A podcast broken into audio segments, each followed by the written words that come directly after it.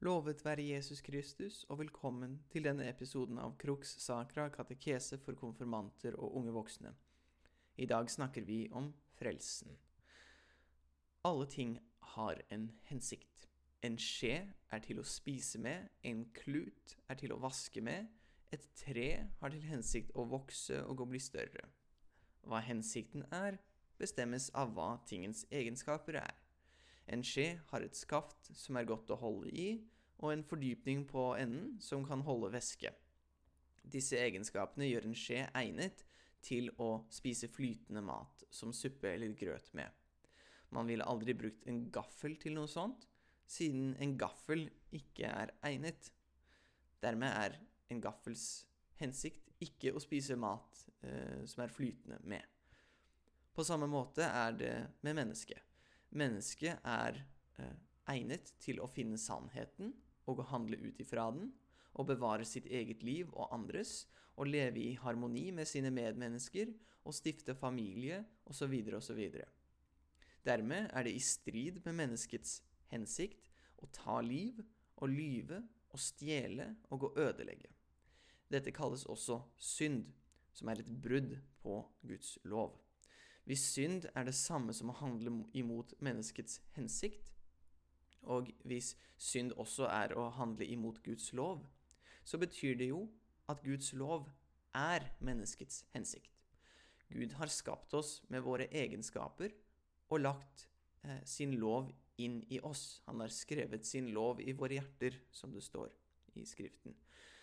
Men en del av å ha denne evnen til å forstå sannheten og eh, handle ut ifra den, er den frie vilje til å handle imot den.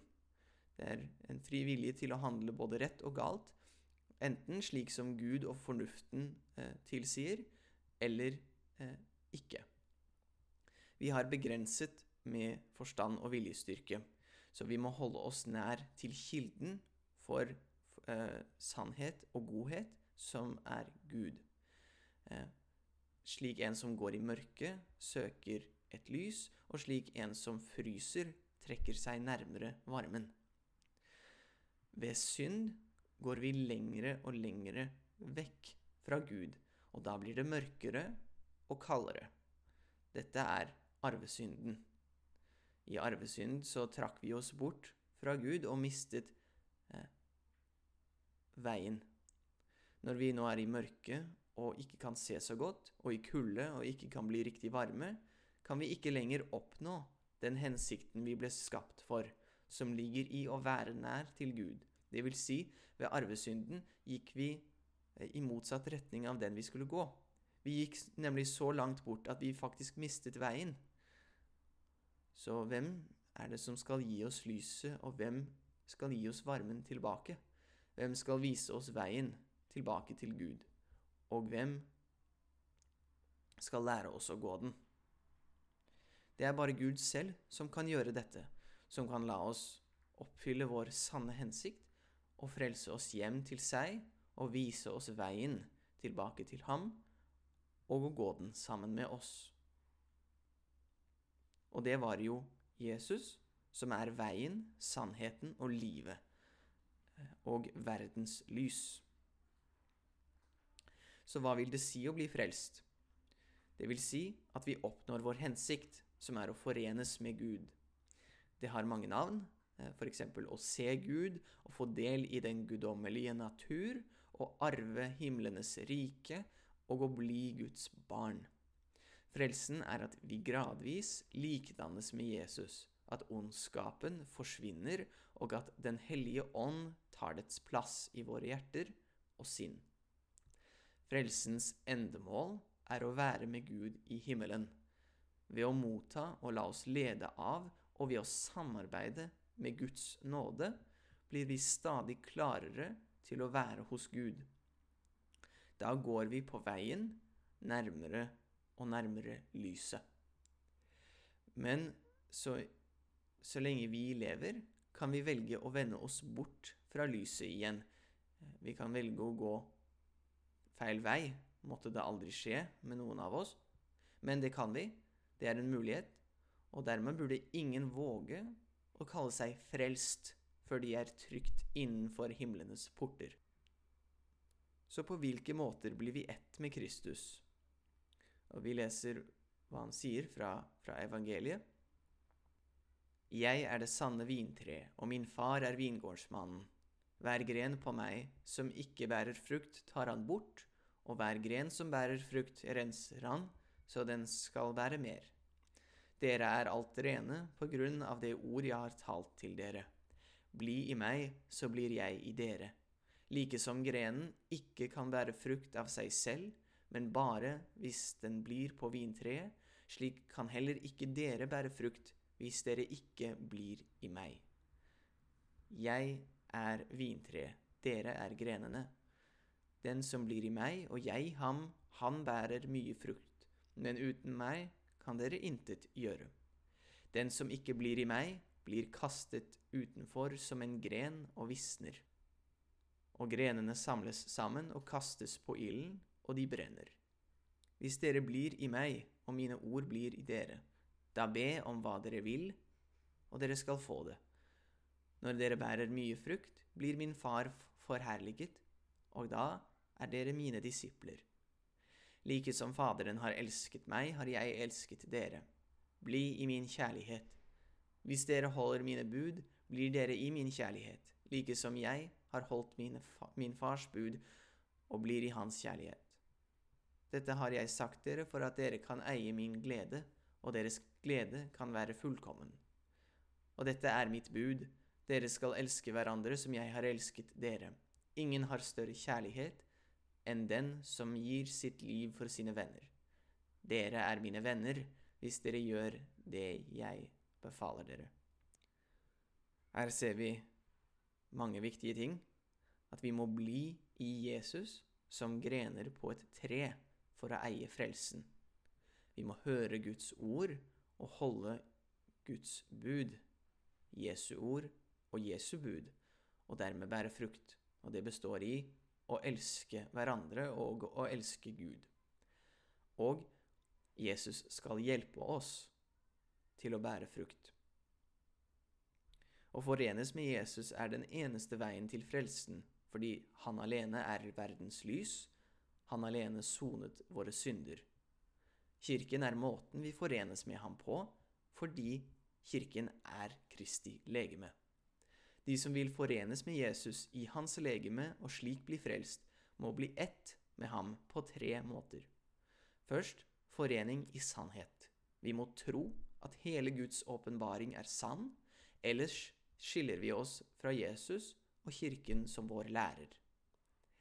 Så må vi forenes i godhet. Våre handlinger må være gode, og vi må være fulle av kjærlighet til Gud og til mennesket. Brudd på Guds lov skiller oss nemlig fra ham og Jesus, vår konge. Til sist må vi forenes i Gud, Den hellige ånd, en sakramental forening som knytter oss til Jesus i kraft av hans befaling om å bli født på ny av vann og ånd. Dette er den foreningen de andre to er rettet inn mot. Og hvordan blir vi født på ny av vann og ånd, spør du? Det er ved dåpen, tegnet på den nye pakt, slik som omskjæring var tegnet på den gamle pakt. Ved omskjæring ble man del av den gamle pakt, ved dåp blir man del av den nye. Dåpen renser oss fra arvesynd og personlig synd, og gjør oss del av Kristi legeme, kirken. Dåpen er absolutt nødvendig for frelsen. Den kobler oss til nådens kilde, Jesus. Den lar oss motta de andre sakramentene, som er fruktene av, av hans offer på korset. Noen lurer kanskje på, hvis Gud er allmektig, hvorfor kan han ikke bare frelse oss på et øyeblikk? Kan han ikke bare sende oss til himmelen uten å eh, la oss gå gjennom alt dette strevet? Og da spør jeg, hvorfor skapte han oss i, det, i første omgang? Gud trenger ingenting for å være fullstendig, fullstendig lykkelig. Hvis han skapte oss, måtte det være mer for vår skyld. Og hvis han eh, bare knipset med fingrene og dermed frelste oss, da hadde vi ikke hatt fri vilje. Og vi hadde ikke lært noe. Det ville vært en mekanisk verden, et brettspill, hvor Gud styrer alle brikkene, et skuespill uten betydning. Men hvis vi har frivillige, blir det verdt noe. Fordi det er noe som kan gå tapt, og det er noe som kan vinnes. Ja, det medfører at vi kan falle, men det gjør også at vi kan få del i Guds seier over det onde i oss selv og i verden. Betyr det at vi frelser oss selv? Nei, det er fullstendig umulig. Vi er fullstendig ute av stand til å frelse oss selv, fordi frelse er å forenes med Gud, og det kan ikke vi oppnå av oss selv. Gud må hjelpe oss på veien til seg. Den hjelpen er eh, fri og kalles nåde. På latin er nåde gratia, fordi det, det, har med gratis å gjøre. At noe er gratis, betyr at eh, vi får det eh, uten å fortjene det. Vi kan ikke fortjene nåden av oss selv. Den er fortjent ved Kristi blod, som han ofret for våre synders skyld. Gud er fri til å gi eller ikke gi sin nåde, og vi er frie til å ta imot eller takke nei til nåden. Nåden er ikke uimotståelig. Hvis man sier nei, så får man ikke nåde. Nåden er all den hjelpen som Gud gir oss, som løfter oss ut av, syndige, ut av vår syndige natur, gir oss evne til å forstå og å handle etter Guds vilje, og den leger synd eh, og eh, oppretter rettferdighet. Vi kaller det nåde også når Gud den hellige ånd tar bolig i sjelene våre, slik vi snakket om i forrige episode. Det er den største nåden. Ånden kommer første gang til oss i dåpen. Når Den hellige ånd er til stede i sjelen, sier vi at sjelen er i nådens stand. Jeg sier det igjen i nådens stand. Når ånden kastes ut ved dødssynd, så blir tempelet, som er vår sjel, tomt igjen, og mennesket faller ut av nådens stand. Mennesket er født i arvesynd, altså ikke i nådens stand. Ikke i arvet nåde, men i arvet synd, ute av nådens stand. Det er bare dåpen som kan sette oss inn i nådens stand for det første gang og rense, bort fra, rense bort fra oss all synd. Men etter dåpen så kan man jo synde igjen og falle ut av nådens stand. Og da eh, er det bare skriftemålet som kan gjenopprette nådens stand i oss. Ved bot, ved anger og bekjennelse av sine synder. Derfor er å skrifte ofte veldig, veldig viktig. For hvis vi dør uten å være i nådens stand, vil vi heller ikke få være med Gud i livet etter døden. Når vi blir døpt eller skrifter, tilgis vi for vår synd og settes i nådens stand. Denne forandringen er øyeblikkelig og kalles rettferdiggjørelse. Før rettferdiggjørelse må vi omvende oss, snu oss til Gud og bort fra synd og dette kommer også ved nåden. Etter rettferdiggjørelsen skal vi vokse i guddommeliggjørende nåde. Vi skal jo bli lik Gud i den forstand at vi er mennesker eh, som fullkommenliggjøres, som Gud gir av seg selv, så vi blir lik ham. Så vårt Guds bilde, som vi blir skapt til, blir gjenopprettet Sakramentene er de syv kildene til, til nåden eh, som vi kan vokse i. Eh, de er innstiftet av Kristus, og de skal vi snakke om i, i detalj i kommende episoder. Men eh, jeg nevner dem likevel. Det er dåp, ferming eller konfirmasjon, eukaristi, skriftemål, ordinasjon, ekteskap og sykesalve. Merk at ferming eller konfirmasjon er et av de syv sakramentene som skal eh, gi dere konfirmanter en større del i den nåden som lar dere bli ett med Jesus i tro, gjerning og ånd. Frelsen er et så stort tema at vi ikke rekker alt på én episode.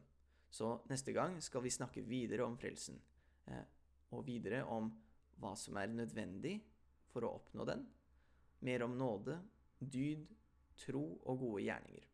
Og jeg takker alle som lyttet til denne episoden, og håper dere lytter neste gang. Bli i min kjærlighet. Hvis dere holder mine bud, blir dere i min kjærlighet, like som jeg har holdt min fars bud og blir i hans kjærlighet. Dette har jeg sagt dere for at dere kan eie min glede, og deres glede kan være fullkommen. I Faderens og Sønnens og Den hellige ånds navn.